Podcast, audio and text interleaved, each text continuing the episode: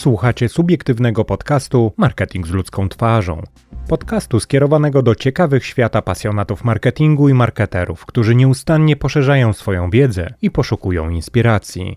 Do wszystkich, którzy podzielają mój punkt widzenia o tym, że warto jest rozmawiać i wymieniać się osobistym doświadczeniem z innymi.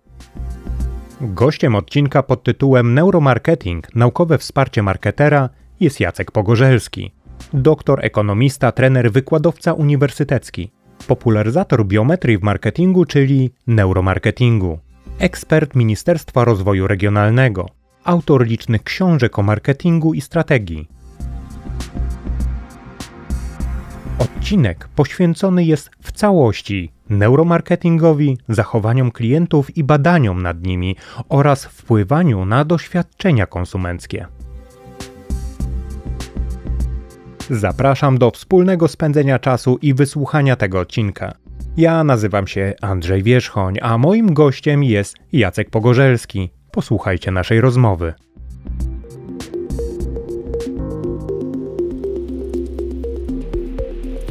Witam w podcaście Marketing z ludzką twarzą. Bardzo się cieszę, że będziemy dzisiaj rozmawiać o czymś, o czym jeszcze nigdy nie miałam okazji rozmawiać, bo najpierw zostałeś przedstawiony jako osoba specjalista od biometrii, marketingu, sprzedaży i split tych wszystkich elementów spowodował, że no ja zwariowałem tak naprawdę. Mówię, kurczę, ile elementów naraz i to są rzeczy, których, o których się bardzo mało mówi de facto, bardzo mało osób wie, natomiast one są niezwykle potrzebne, bo ja o tym bardzo dawno temu już myślałem w kontekście wsparcia nowoczesnego kanału, wsparcia tradycji również, bo to ma ogromne znaczenie i przełożenie na to, jak konsument widzi e, produkty i przede wszystkim jak go kupuje. Opowiedz o sobie, no i przede wszystkim przedstaw się. Dziękuję Ci za to, że znalazłeś czas. To ja dziękuję za zaproszenie, bardzo mi miło. E, cóż, no, nazywam się Jacek Pogorzelski, zajmuję się strategiami marketingowymi, marketingiem, zarządzaniem marką. A mm, ten pretekst do naszego spotkania to pewnie jest ta część biometryczna, ta neuromarketingowa. Jestem też certyfikowanym neurobadaczem i w mojej firmie BlueFox dysponujemy wieloma narzędziami do badań biometrycznych i zajmujemy się właśnie badaniem no, przeróżnych tutaj jakby fenomenów tej relacji marketingowej, czyli organizacja, jej produkty, marki i jej odbiorcy. I jakby ciekawy był Twój wstęp, bo rzeczywiście trafiłeś w sedno, w tym sensie, że rzeczywiście akurat te badania mają zastosowanie tutaj zarówno do marketingu, jak i do sprzedaży, czyli one są w obu tych relacjach, bo wystarczy, możemy każdego człowieka podłączyć do aparatury biometrycznej i zmierzyć jego reakcję na niemalże dowolne bodźce. Mm, właściwie z tutaj z takiej podstawowej tej, powiedzmy takiej zestawu tych e, sensorów biometrycznych, różnych instrumentów, to jedynie nie dysponujemy rezonansem magnetycznym, no, kosztowna zabawa. No ale to na mieście można kupić. Tak i nie. E, no na mieście może i można, ale ciągle nawet wynajęcie tego sprzętu tam zdaje się, że gdzieś w jakichś instytucjach medycznych trochę kosztuje. No aż tak głęboko nie wchodzimy, natomiast to co mamy naprawdę wystarcza do dosyć takich sensownych pomiarów, które zdecydowanie dają, no nawet wydaje mi się, że one są wszystkie też te sprzęty mają e, jakby poziom medyczny, czyli jakby one wszystkie są certyfikowane, rzeczywiście są od bardzo rzetelnych dostawców, też są obsługiwane przez taką suite firmy iMotions, która no w dużej mierze też podpowiada interpretację tych danych, ponieważ same dane surowe no to jest tak zwane picie danych z hydrantu, tak? czyli jak, jak, picie wody z hydrantu, tych danych jest tak dużo, że tego by się nie dało przerobić. Więc ten software już wstępnie przerabia te dane i on sugeruje jakieś miary, wskaźniki, natomiast no dalej trzeba oczywiście wiedzieć, co z tym, co z tym zrobić. Ja chciałbym się skupić przede wszystkim w tej chwili na tym, komu jest to potrzebne. Czyli w rzeczywistości właśnie to połączenie tego, co współcześnie jest zupełnie zrozumiałe i absolutnie naturalne, a co kiedyś było absolutnie rozdzielne, czyli mówimy o sprzedaży, marketingu. W tej chwili to się wszystko łączy, to wszystko się przenika. I teraz pytanie do ciebie jest następujące. Komu jest to potrzebne? Po prostu zwyczajnie. Kto z tego korzysta? No właśnie, tutaj jest bardzo wiele grup odbiorców. Z jednej strony są to na przykład tacy tradycyjni marketingowcy, rozumieni jako brand, product managerowie, którzy zarządzają produktami, zarządzają markami i oni szukają najefektywniejszego sposobu no, takiego jakby ulokowania swojego produktu bądź marki na rynku. Na rynku to znaczy, że także w percepcji, w odczuciach ich odbiorców. I to jest naturalny, naturalna grupa osób zainteresowana tym, no bo to jest dla nich taki dodatkowy punkt widzenia, który pokazuje, pokazuje, Zobacz, twoi odbiorcy, twoich produktów, twoich marek, oni nie tylko, że patrzą na te produkty, na te marki w jakiś sposób, co zapewne widzisz w swoich już badaniach, ale oni również w jakiś sposób reagują na przeróżne bodźce, na opakowanie, na to, co komunikujesz w social media, na to, co masz na swojej stronie, na to, co jest na, na wręcz detale. Jak mamy na przykład promocję, tak, i tam mamy, masz jakieś założenie, z którymi, jak ta promocja ma działać, to te badania pozwalają ci sprawdzić, czy ona na pewno tak działa. Bo często też jest, mamy masę takich e, jakby ukrytych założeń robimy. Na przykład, że no dana powiedzmy, przykład ok, faktyczny. E, pewien klient realizował kampanię promocyjną opartą na humorze i założył no, z emocjonalnego punktu widzenia, to znaczy, jeżeli operujemy humorem, to znaczy, że reakcją emocjonalną w odbiorze ma być tak zwana radość.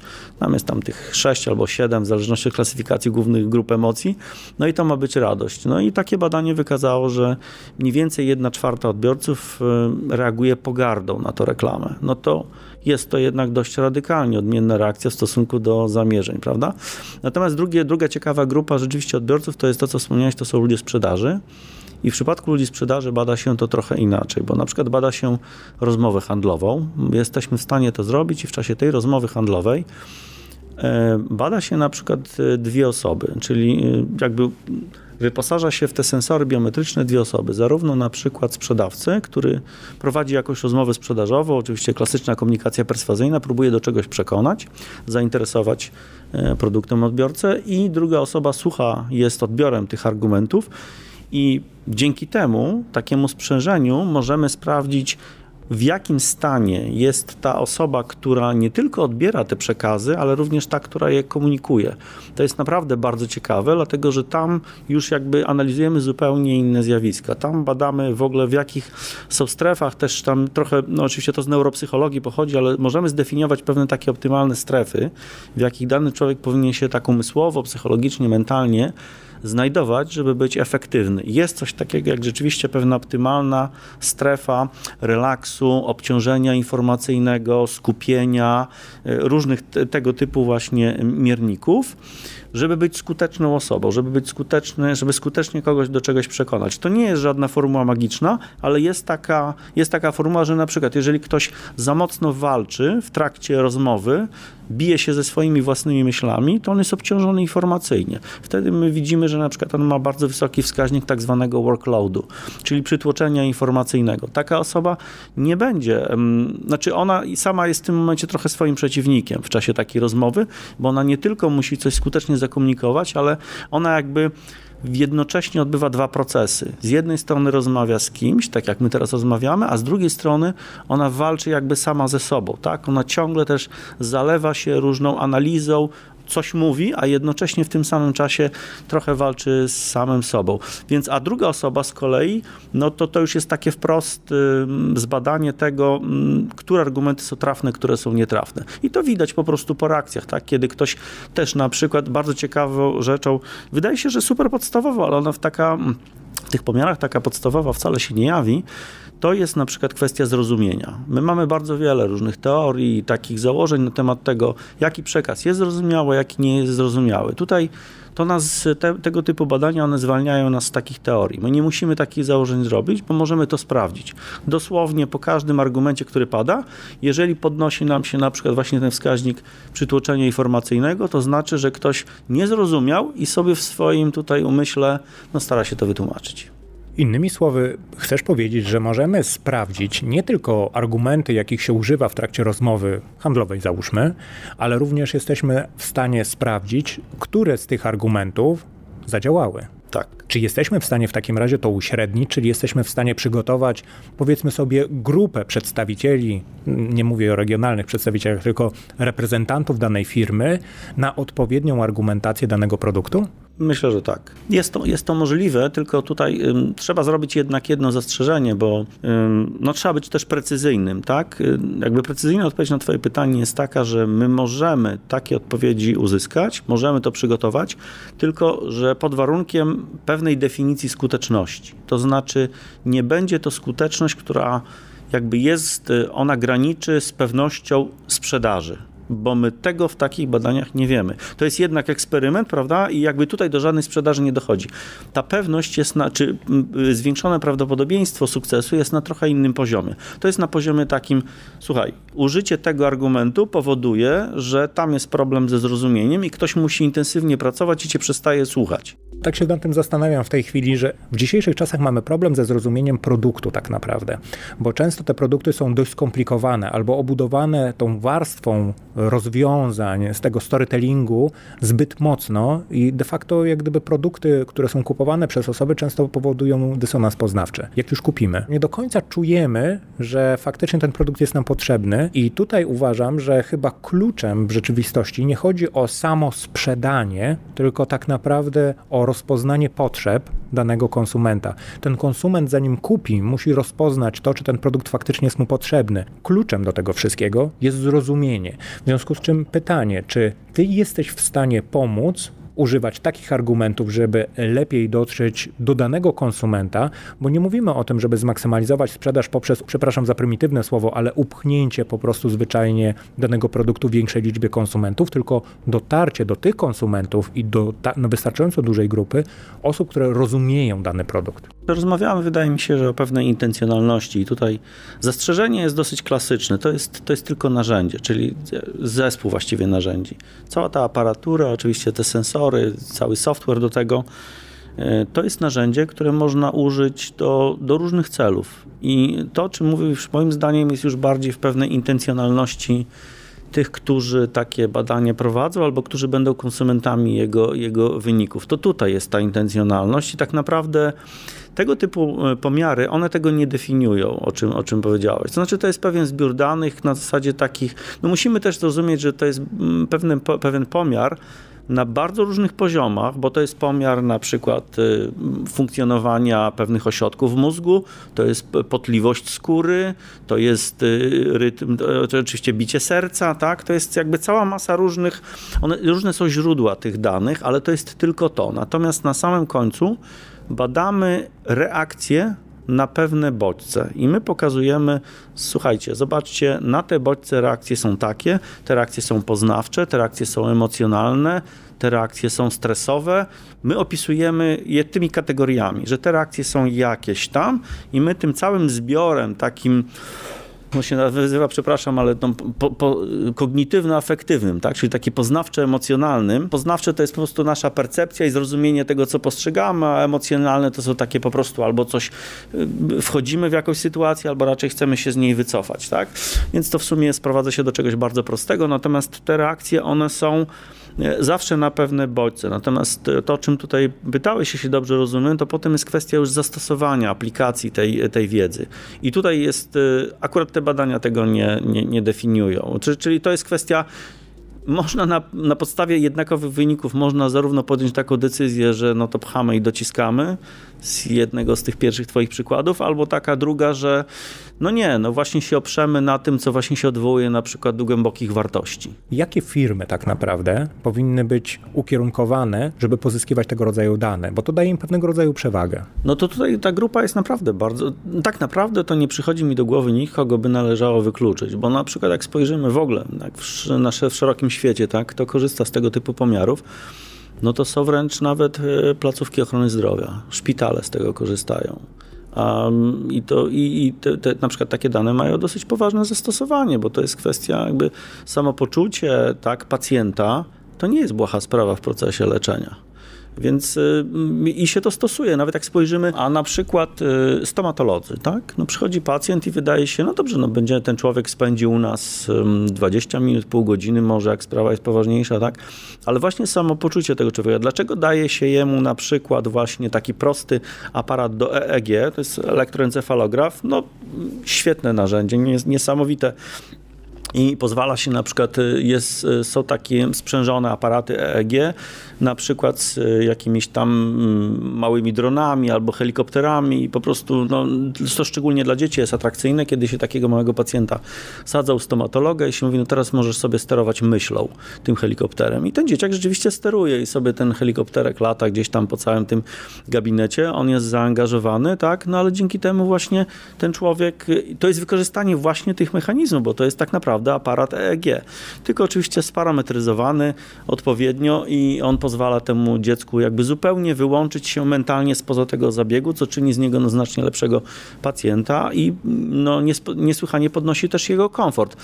Y, ale to są tylko przykłady. Natomiast wracając do Twojego pytania, tak naprawdę no, każdy, kto oferuje jakieś rozwiązania, produkty, usługi, jakieś połączenia produktów z usługami, tak naprawdę no mówimy w ogóle o takiej fundamentalnej jakby funkcji marketingu, która polega na pewnym lokowaniu danego produktu, danego rozwiązania na danym rynku, tak? Czyli z szukania dla niego jakichś odbiorców, którzy będą go kupowali nie jednorazowo, tylko będą chcieli z niego korzystać, tak? Z tego rozwiązania na dłużej. No to jest równanie, które muszą rozwiązać wszyscy. No i te, ta aparatura, te wszystkie te rozwiązania biometryczne one bardzo dobrze się w tej relacji odnajdują. To powiedz, dlaczego w takim razie nikt się tym nie chwali? Ale czym się nie chwali? Wykonaniem takich badań? Dokładnie. No ale to, to... Która z firm tak naprawdę ogłasza to wszemi wobec i mówi, słuchajcie, dzięki właśnie biometrii, dzięki specjalnym tutaj firmom, które zajmują się bardzo takim szczegółowym przeanalizowaniem waszych potrzeb, udało nam się stworzyć produkt, który idealnie celuje w wasze potrzeby. No spotkałem się tylko, że firmy e, motoryzacyjne i to na poziomie raczej centrali to robiły prawda? Tak, ale to... Zadziwiające, bo przecież ile, ile wartości dodane jest w tym, że pochylili się tak głęboko nad swoim konsumentem, nad swoim produktem i scalili to w jedno rozwiązanie.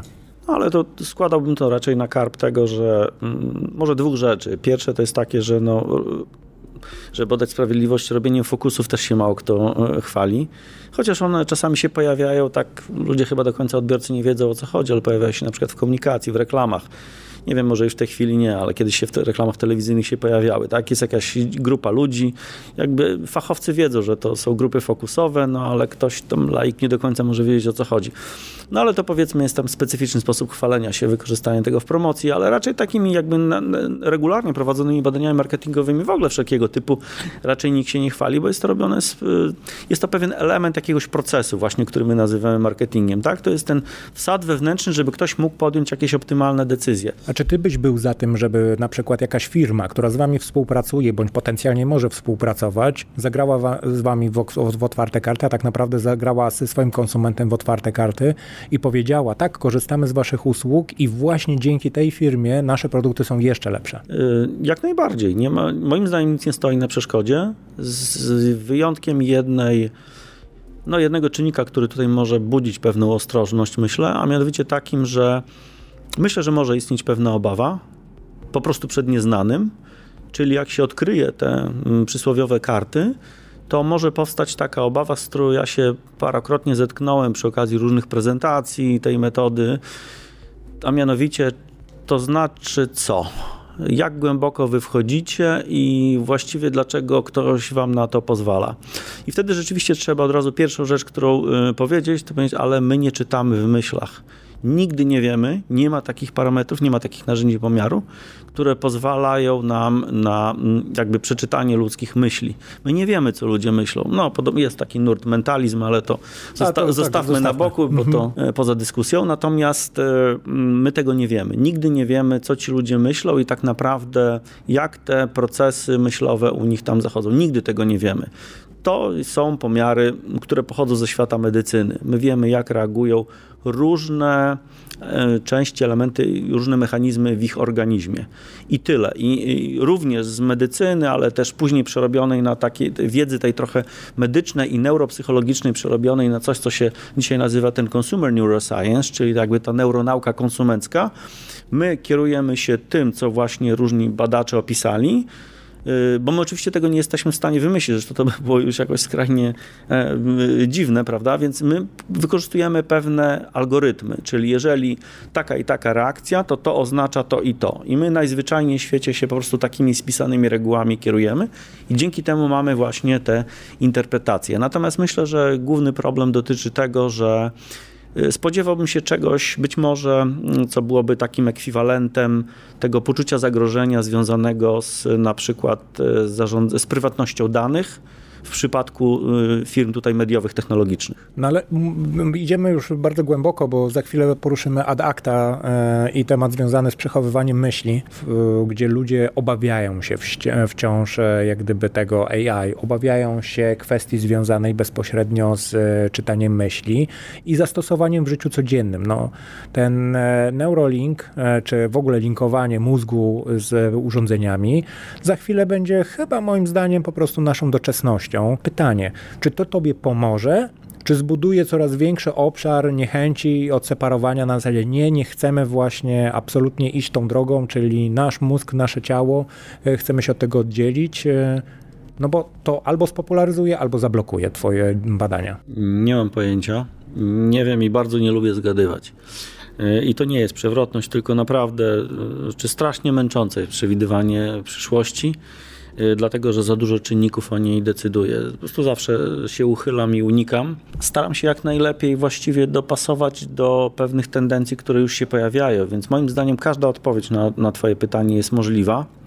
Y, tak patrząc troszeczkę na to, coś, a co się do tej pory dzieje z różnymi rzeczami, tak? A jak dzisiaj jest odbierana no ta rozwijająca się sztuczna inteligencja, no to mamy tak naprawdę wszystko obecne w dyskursie. Jest i dużo obaw, tak, no jakby nie trzeba daleko szukać, tak, ale na przykład w Stanach Zjednoczonych naprawdę jest pewnego rodzaju panika związana z tym, co się wydarzy, jeżeli naprawdę na skalę masową wejdą autonomiczne y, tiry bo w Stanach Zjednoczonych oznacza to, że kilkadziesiąt, jeżeli nie kilkaset tysięcy ludzi traci pracę. E, I to, to, jest przykład po prostu obawy. Obawy niewątpliwie są, tak? Natomiast e, czy to też sprzyja z kolei takiej mm, adaptacji danego rozwiązania? Raz tak, a raz nie, bo pamiętamy Google Glass, który był niewinnymi okularami, by się wydawało, tak, ale no z dzisiejszego punktu widzenia moglibyśmy powiedzieć, no dobrze, no może trochę było jednak za wcześnie. No było za wcześnie, ale właśnie teraz jak rozmawiamy, w tych dniach jest lawina artykułów o tym, że właśnie Facebook przepala pieniądze na Metaverse i naprawdę jest ogromna lawina tego, że Metaverse to jest w ogóle jakaś wydmuszka, że nigdy to nie miało szans i nie ma tym bardziej żadnych szans powodzenia i oczywiście no, Facebook może sobie robić co tam chce, a jeszcze w ogóle są artykuły takie, że już Apple im ten metaverse w ogóle porywa i w ogóle, a jeszcze nie w ogóle zdaje, ale przepraszam, ale w ogóle co to jest ten metaverse i czy na pewno jest jeden, tak?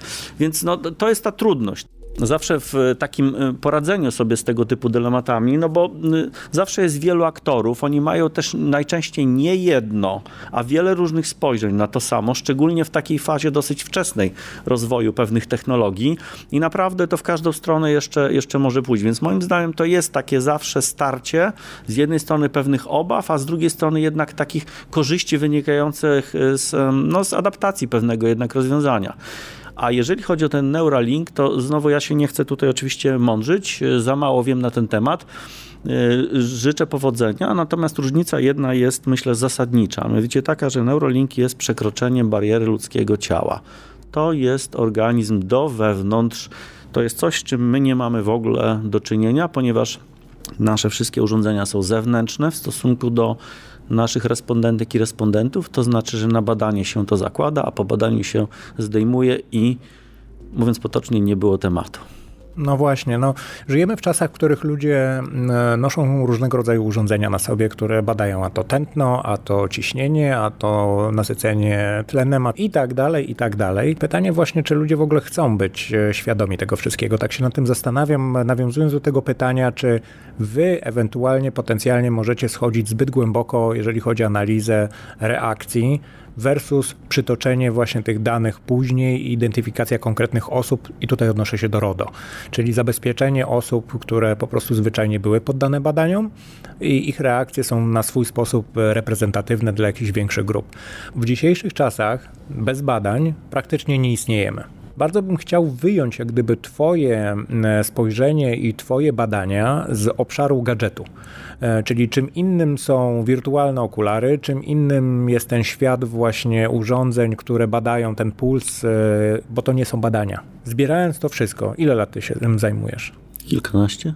Jak na podstawie tych kilkunastu lat jesteś w stanie powiedzieć, co się zmieniło, czyli gdzie dzisiaj jesteśmy versus to, skąd zaczynaliśmy oczywiście od zera. To nie do końca od zera, bo biometria gdyby nie powstała te 10 lat temu, to jest dużo szersze zagadnienie.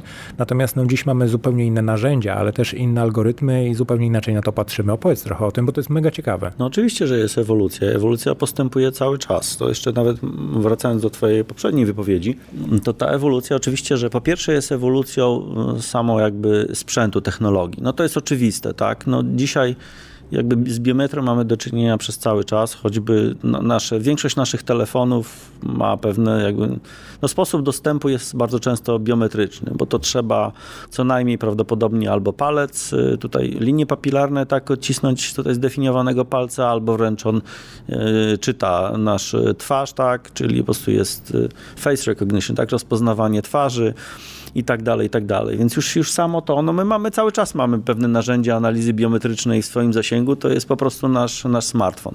Każdy, kto korzysta ze smartfona, to e, to ma. I jest to traktowane jako po prostu e, pewne narzędzie sprzyjające bezpieczeństwu.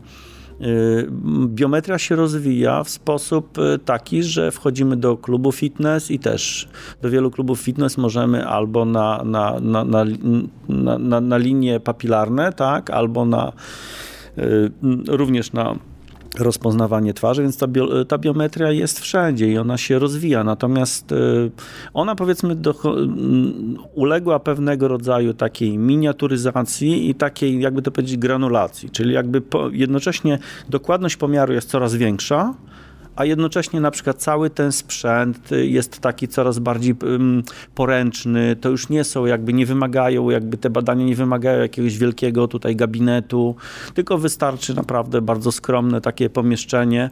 Nie wspomniałem jeszcze, że w ogóle dzisiaj mamy taki odpowiednik praktycznie każdego tego urządzenia biometrycznego mamy w wersji mobilnej, czyli te badania mogą być stacjonarne i mogą być mobilne, czyli my możemy normalnie, oczywiście na, na życzenie danego klienta, który udostępnia swój obiekt, tak, bo wszystko jest lege artis, ale na przykład detalista, który chce zobaczyć, jak osoby reagują, przechodząc się po jego sklepie, możemy to zrobić.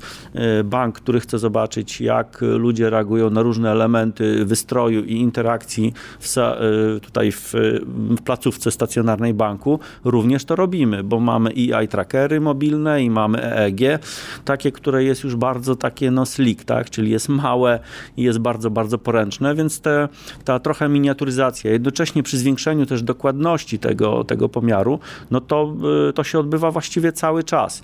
Y, niektóre z y, pomiarów, jakby z instrumentów biometrycznych już są w postaciach aplikacji, czyli na przykład takie bo to są software'y de facto. Software'em jest na przykład odczytywanie rodzaju emocji. Nie poziomu natężenia emocji, bo to jest zupełnie inny parametr. Do tego na przykład służą te galwanometry, czyli takie urządzonka, które mierzą potliwość, mikropotliwość skóry. To są te, które na palce się nakłada. Tak, to jest ten, który się nakłada na palec, takie małe, bardzo skromne urządzenie, natomiast y, są różne aplikacje, które jakby rozpoznają rodzaj emocji na twarzy i one już są w aplikacjach, jakby można sobie no, tam z, z taką aplikację ściągnąć na telefon, zapłacić jakiś tam skromny abonament i można już jakby i już można dokonywać sobie, patrzeć, co z tego wynika. Tak, to prawda, one są w takiej formie najczęściej jeszcze bardziej jako gadżety zabawki, a nie jako poważne narzędzia pomiarowe, ale to pokazuje już tak, że jakby cały czas w jaką stronę też tam zmierza ten pomiar. Równolegle, co bardzo chciałbym podkreślić, że równolegle też cały czas rozwija się ta tak zwana neuronauka konsumencka. E, ciągle są nowe, nowe już nawet nie tyle publikacje, bo tego jest też bardzo dużo, ale są wręcz nowe tutaj takie no, magazyny, powiedzmy, żurnale, tak? One, to wszystko dzisiaj się najczęściej odbywa online, ale na przykład jest coś takiego jak Frontiers in Neuroscience i, czyli są różne magazyny online, absolutnie naukowe. Normalnie one jakby podlegają rygorowi naukowemu i y, niektóre z nich są już poświęcone też neuronauce konsumenckiej, czyli one rzeczywiście jakby publikują badania na styku właśnie, no powiedzmy, że neuropsychologii, tak, i y, marketingu, sprzedaży, jakby wszystkich tych dziedzin takich poświęconych komercjalizacji rozwiązań. No i ta wiedza przyrasta bardzo, bardzo szybko. Teraz tak się nad tym zastanawiam. Opowiadasz o tych wszystkich feature'ach, które niesie, niesie ze sobą jakby ta neuronauka de facto. E, zlokalizowanie tego wszystkiego w obszarze marketingu, sprzedaży, zlokalizowanie tego w obszarze medycznym, e, zlokalizowanie tego w obszarze jak gdyby samej wiedzy, o konsumencie, o produkcie, to jest e, bardzo ważne. Dzisiaj jesteśmy w, powiedzmy sobie, dość trudnych czasach. Mówię tutaj o kwestii finansów, e, mówię tutaj o cięciach budżetowych, mówię tutaj o kosztach, na które e, nie wszyscy są w stanie sobie pozwolić. Pytanie, czy to rozwiązanie, o którym ty mówisz, to jest właśnie ten moment, żeby złapać przewagę nad e, swoją konkurencją? Czy to jest ten moment, żeby zacząć inwestować e, we własne produkty czy własne rozwiązania, żeby dać im przewagę? Czy to jest zupełnie jak gdyby kwestia tylko i wyłącznie R&D, którą trzeba odłożyć gdzieś na przyszłość, e, czyli spokojnie, powiedzmy sobie, przeznaczyć część środków na to, zacząć współpracę, powoli wdrażać i jakby bardzo długofalowo do tego podchodzić? Mm, myślę, że każdy moment jest dobry na poszukiwanie przewag, bo użyłeś słowa przewagi i to sądzę, że szukanie przewagi rynkowej, jak rozumiem, i moim zdaniem to jest właśnie klucz sprawy. Czyli w każdym momencie, kiedy przedsiębiorstwo szuka pewnych przewag na rynku, to wtedy jest to jeden z obszarów poszukiwań. Co mam na myśli? Y, posłużę się takim jednym, jednym z modeli naszych diagnostycznych, które, do którego my zawsze w naszych badaniach jakby dochodzimy i pokazujemy na konkretnych danych, jak to wygląda, a mianowicie krzyżujemy dwa rodzaje y, danych. Dane tak zwane deklaratywne, ponieważ te, o tym jeszcze nie powiedziałem, ale praktycznie nie wykonujemy projektów y, badawczych, z wykorzystaniem samej biometrii, niemalże nigdy. Jakby to jest moim zdaniem, te, ten dyskurs już przeszedł, taki, że on się, to było, ja wiem, 10, kilkanaście lat temu, nie wiem dokładnie jak to umiejscowić, ale jakoś tak, że no, biometria czy badania tak zwane neuromarketingowe, one są takim przełomem, że one w ogóle zastąpią wszystkie inne dane. No dzisiaj wiemy, że już od jakiegoś czasu wiemy, że absolutnie nie i to jak z każdą modą, tak, jakby przesadzona reakcja. Natomiast to nie znaczy, że znowu w tym nic nie ma. Tylko y, kiedy w takim razie powstaje największa wartość? Wtedy, kiedy my skrzyżujemy czy ze sobą dane z pomiarów tych biometrycznych, czyli autonomiczna reakcja organizmu na coś, a jednocześnie o to samo zapytamy klasycznymi metodami, na przykład właśnie kwestionariuszowymi i te same bodźce poddamy właśnie takiemu badaniu. Zawsze to robimy. I wtedy mamy jakby ocenę, to jest właśnie, tutaj jest ta trudność właśnie taka semantyczna, jak to pisać, bo to jest tak, Deklaratywnie to jest ocena, ponieważ badania deklaratywne, one nadal są istotne i ważne wszędzie tam, gdzie zależy nam o ocena, gdzie zależy nam na opiniach ludzie wyrażają swoje opinie przez formułowanie ocen werbalnych. No zresztą rozumiemy je doskonale, wiemy skąd pochodzą i wiemy przede tak. wszystkim, że można im ufać, czy do końca, czy nie. To jest kwestia intencji lub jakby światopoglądu danej osoby. Ale wtedy, kiedy zależy nam na opinii, a nie co ty człowieku zrobisz, to to jest bardzo dobra metoda i nie ma co jej dyskredytować. Po prostu pytamy i ludzie nam powiedzą, co o czymś sądzą, bez problemu, bo mają dostęp tak, do takich informacji, umieją nam racjonalnie to wytłumaczyć. Więc wtedy dajemy im kwestionariusze na skali, proszę bardzo, a na ten temat od 1 do 10, czy tam od 1 do 7 w dolnej skali, jak Państwo to oceniacie? Na tyle, na tyle, na tyle, na tyle. Dobrze, a do tego później mamy właśnie dane z na przykład EEG i tworzymy takie macierze, które, no właśnie, to są macierze.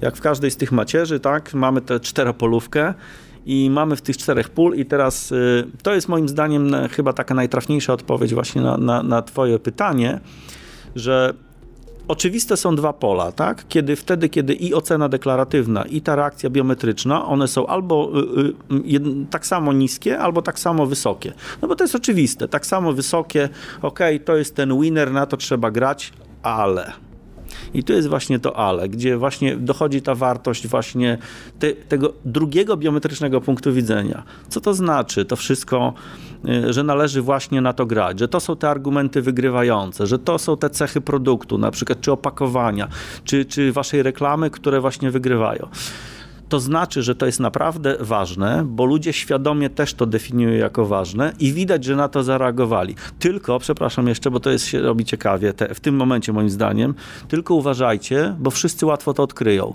bo oni nie potrzebują żadnej biometrii, bo wystarczy, że zrobią prosto deklaratywne jakieś sondażowe badanie i oni od razu to odkryją. Dlatego i tak samo będzie z tym, co nie działa, bo ludzie też to nisko oceniają. Tutaj wtedy, kiedy te dane są skorelowane ze sobą, to wysoko, to wtedy wtedy jakby nie ma żadnego dylematu, ale te dwa pozostałe pola, o tutaj jest, właśnie tu się robi ciekawie, bo co to znaczy, że ktoś na przykład deklaratywnie ocenia coś jako ważne, wysoko na przykład, tak, kupując samochód dla mnie, no nie wiem, wygląd kierownicy, czy ona jest duża, mała, jako tam skóra jest obszyta, czy jakim materiałem, tak, to jest ważne. A potem człowiek wsiada w salonie, robiliśmy takie badania, a potem człowiek wsiada w salonie, on tam na tą kierownicę tam ledwo spojrzy, nie? No są różnice jeszcze tam kobiety, mężczyźni, tutaj są różne demograficznie też zróżnicowanie bywa na tych reprezentatywnych y, populacjach. Natomiast, y, no i co? No i patrzymy, ale żadnej reakcji nie ma na to biometrycznej. To jak to interpretować? No i tutaj się robi ciekawie. I na przykład jedna z takich ścieżek interpretacyjnych jest taka: słuchaj, musisz to uwzględniać, ale na poziomie Twojej komunikacji, Twojej promocji. Dlatego, czyli w takich momentach, w takich punktach kontaktu, w których wiesz, że, y, że przyciągasz klientów do tego, żeby oni w ogóle przyszli do salonu, dlatego, że oni zwracają na to w sposób uświadamiany, zwracają na to uwagę. To jest ważne dla nich właśnie w tym momencie. Ale jak masz kogoś, jak już ten człowiek jest w salonie, to jak najszybciej tego człowieka do samochodu. Niech siądzie, niech się bawi, bo wtedy jakby wchodzi w zupełnie inny rytm i my wiemy, skądinąd z badań tych biometrycznych, że najsilniej działa właśnie zajęcie tej pozycji kierowcy.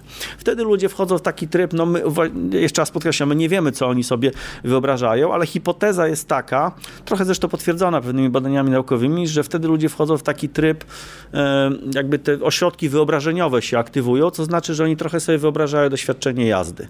Prawdopodobnie. To jest dla nich taka no, najlepsza symulacja tego, jak to będzie, nie? Jechać, jechać tym czymś. Więc oni przestają zauważać na przykład detale. Jest taki moment, gdzie oglądają te wszystkie detale, ale przestają zauważyć te wszystkie detale i nagle po prostu jakby wchodzi zupełnie innego rodzaju ocena. I tak samo bardzo ciekawe jest te inne pole, a mianowicie takie, a co wtedy, kiedy właśnie ocena deklaratywna jest niska, a reakcja biometryczna wysoka? To jest tajna broń. I tego nikt nigdy, to my wtedy mówimy, słuchajcie, tego nikt, zobaczcie, w klasycznymi badaniami tego nikt nie odkryje, bo będą badać i zobaczą, że ludzie w ogóle jakby na to nie patrzą, to jest dla nich nieistotne, nie oceniają tego wysoko, ale z jakiegoś powodu... Nieuświadomione potrzeby. Tak jest, a my tu widzimy, że tu coś się, jak to się mówi, aktywuje, tak? Ci ludzie na to realnie reagują, no i skoro mówimy, przepraszam, o przewagach, mamy nasze przewagi. No to jest właśnie niezwykle istotne. Cieszę się, że do tego momentu dotarliśmy, powiem Ci szczerze, bo to są te momenty, które są niezwykle ciekawe dla każdej osoby zajmującej się sprzedażą i marketingiem, bez względu na to, jak ktokolwiek na to patrzy, dlatego że coś nieuświadomionego, coś, co Ty możesz wykorzystać i wpłynąć na czyjąś decyzję lub ją zmienić, jakby wydaje mi się, że jest e, bezcenne. E, bezcenne, jeżeli świadomie się tego używa, jeżeli się odpowiedzialnie tego e, to stosuje. W związku z czym pytanie jest następujące. Czy wy dużo musicie tłumaczyć tak naprawdę i uświadamiać tym, którzy z tego korzystają, z waszego rozwiązania, mam to na myśli, dlatego że powiedziałeś o opiniach. Opinie to jest coś, czym ludzie wymieniają się od samego początku istnienia komunikacji człowiek-człowiek. I to jest coś, co ratowało nam życie, coś, co generowało to, że polepszyliśmy swój stan bytu, e, że o swój dobrostan zaczęliśmy dbać i tak dalej. To są opinie. Wspieraliśmy lub też wprowadzaliśmy w błąd świadomie i tak dalej, i tak dalej. Dzisiaj posługujemy się opiniami, jeżeli chodzi o sieć, e, no bo to jest jedyne źródło. Tutaj nie mamy percepcji danego produktu, nie możemy w ten mindset wejść, możemy się oprzeć tylko i wyłącznie na doświadczeniu, czyjejś, czyimś doświadczeniu, na, na doświadczeniach e, innych osób, innych konsumentów. Natomiast pytanie jest następujące, czy wy badacie również i tego rodzaju kwestie, czy mm, to, co jest w tej chwili już jak gdyby tak bardzo docenione, a kiedyś było kompletnie negowane, czyli ocena w internecie, czy ktoś kiedyś wam zadał pytanie, czy to ma sens? Czy w, z Waszego punktu widzenia, korzystając z Waszych narzędzi, to, co się dzieje w tej chwili, ma sens? Czy to jest tylko wydmuszka, którą pompują marketerzy i w rzeczywistości to powstaje dla samego powstania udowodnienia zarządowi, że y, robimy świetną robotę? Teraz to prowokujesz, bo to niestety trafia w mój czuły punkt yy, i osobiście lubię pewnego rodzaju de demistyfikacje, takie pewne kwestionowanie mitów. Natomiast jak się kwestionuje te mity z jakiegoś takiego, nie wiem, teoretycznego punktu widzenia, to prawie nikogo to nie przekonuje. Dopiero jakiś dowód empiryczny przekonuje, więc tak, generalnie bardzo lubimy wchodzić w takie, nawiasem mówiąc, my to traktujemy bardzo poważnie y, traktujemy to jako pewne ukryte założenia i my testujemy właśnie te założenia. I tu a propos na przykład właśnie komunikacji, całego zalewu, powiedzmy social media, właściwie to nawet teraz dokładnie się tym zaczęliśmy zajmować. A mm, na przykład takim hasłem wyjściowym, od którego to się w ogóle zaczęło, to ja postawiłem taki problem, że słuchajcie, zobaczcie, jak świat długi i szeroki, prawie wszyscy, może tak, już wiedzą obiegową jest to, że umieszczenie, właściwie ulokowanie dowolnego komunikatu w dowolnym jakby medium społecznościowym z automatu y, skutkuje zaangażowaniem.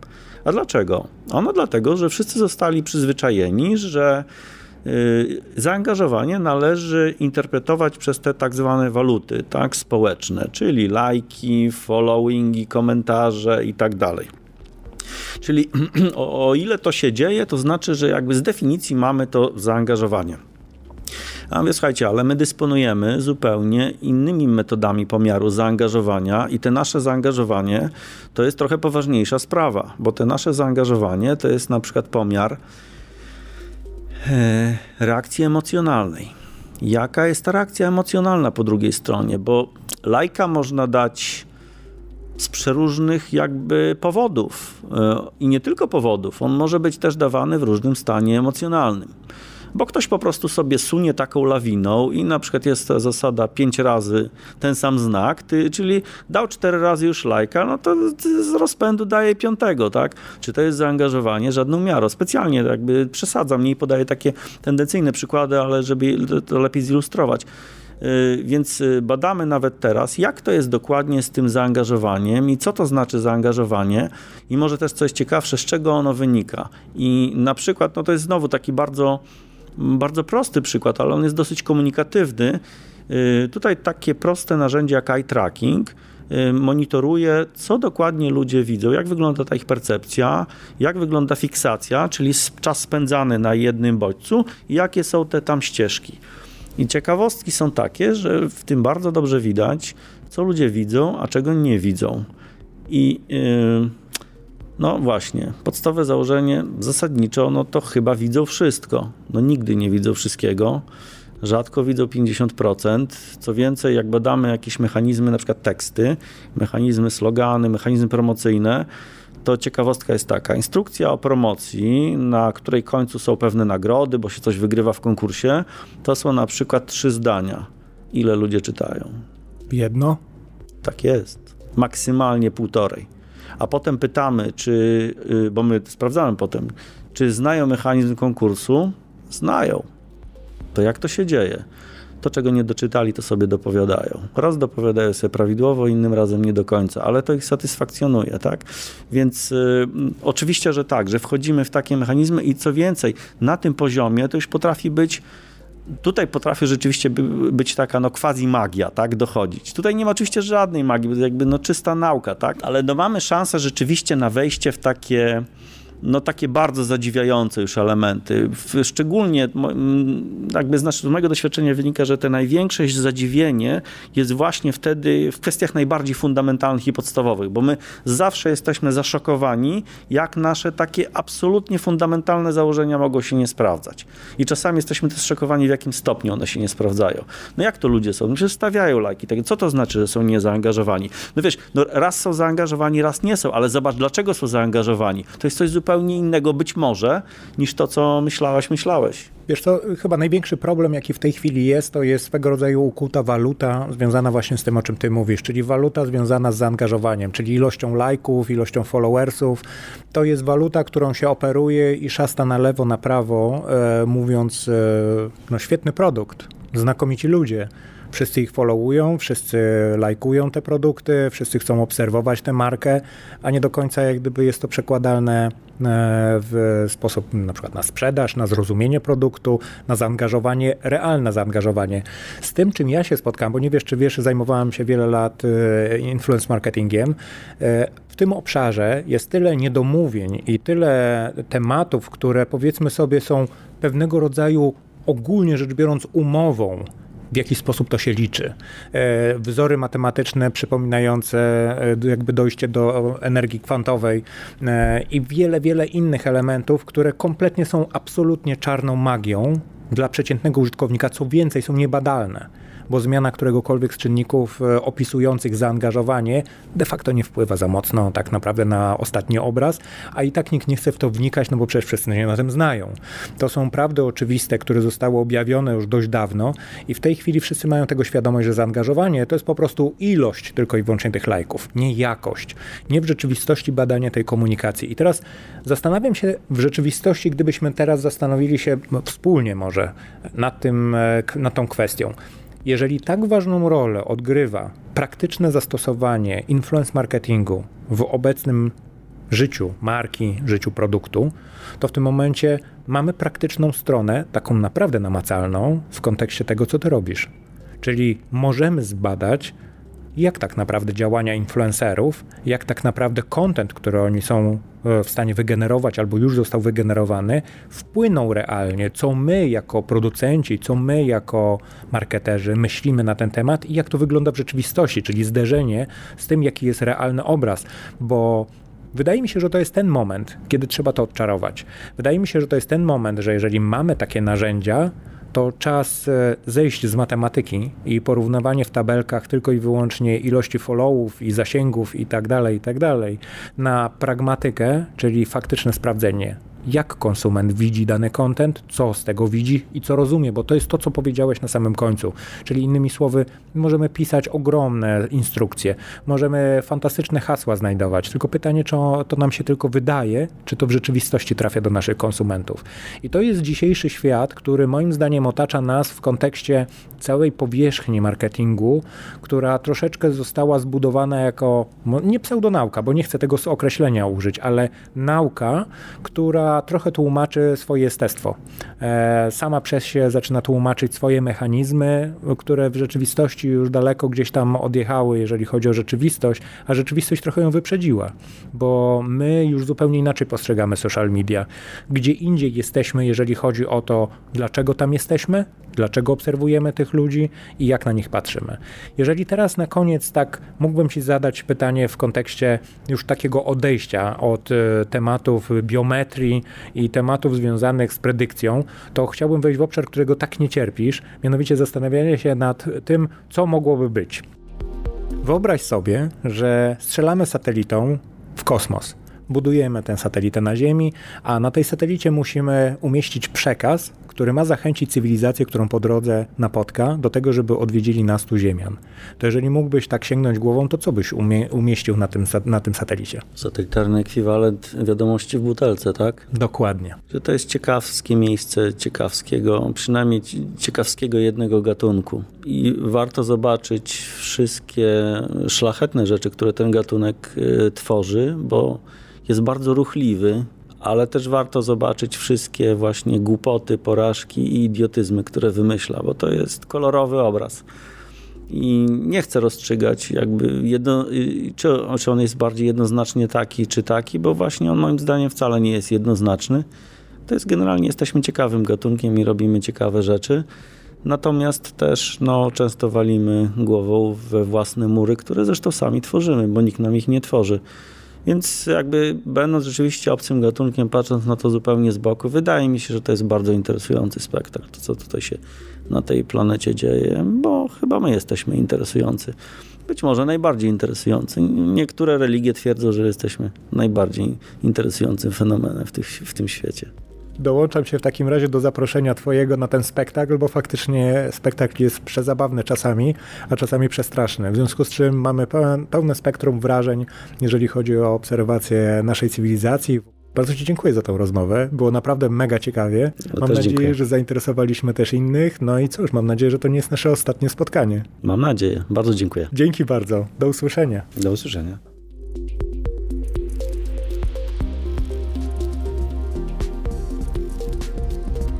Wysłuchaliście przed chwilą 25 odcinka drugiego sezonu podcastu Marketing z ludzką twarzą. Odcinka zatytułowanego Neuromarketing naukowe wsparcie marketera. Za mikrofonem jak zwykle Andrzej Wierzchoń, a gościem odcinka był Jacek Pogorzelski. Odcinek był poświęcony w całości neuromarketingowi, zachowaniom klientów i badaniom nad nimi oraz wpływaniu na doświadczenie konsumenckie. Dialog, jak wiecie, jest dla mnie bardzo ważny. Dlatego zachęcam Was do bezpośredniego kontaktu i rozmowy ze mną. Jeśli macie jakiekolwiek pytania, uwagi, komentarze, możecie mnie znaleźć na LinkedInie. Wystarczy, że u góry strony wyszukiwarkę wpiszecie Andrzej Wierzchoń. Możecie również pisać maile bezpośrednio pod mój adres andrzej.wierzchon.gmail.com. Podcast ma swoje profile na Instagramie i Facebooku. Na Instagramie znajdziecie go wpisując marketingpodcast.pl, a na Facebooku pod hasłem Marketing z ludzką twarzą. Szczegóły i linki jak zawsze umieszczam w opisie tego podcastu. Tradycyjnie na koniec zachęcam do subskrypcji podcastu i wysłuchania poprzednich oraz kolejnych odcinków. Jeśli Wam się spodobały, dzielcie się informacją i linkami ze swoimi znajomymi. Będzie mi bardzo miło móc dzięki Wam dotrzeć do nowych słuchaczy. Ten odcinek dobiegł już końca. Dziękuję za wspólnie spędzony czas i do usłyszenia w kolejnych odcinkach podcastu Marketing z ludzką twarzą, subiektywnego podcastu o marketingu, rynku, strategii i konsumentach.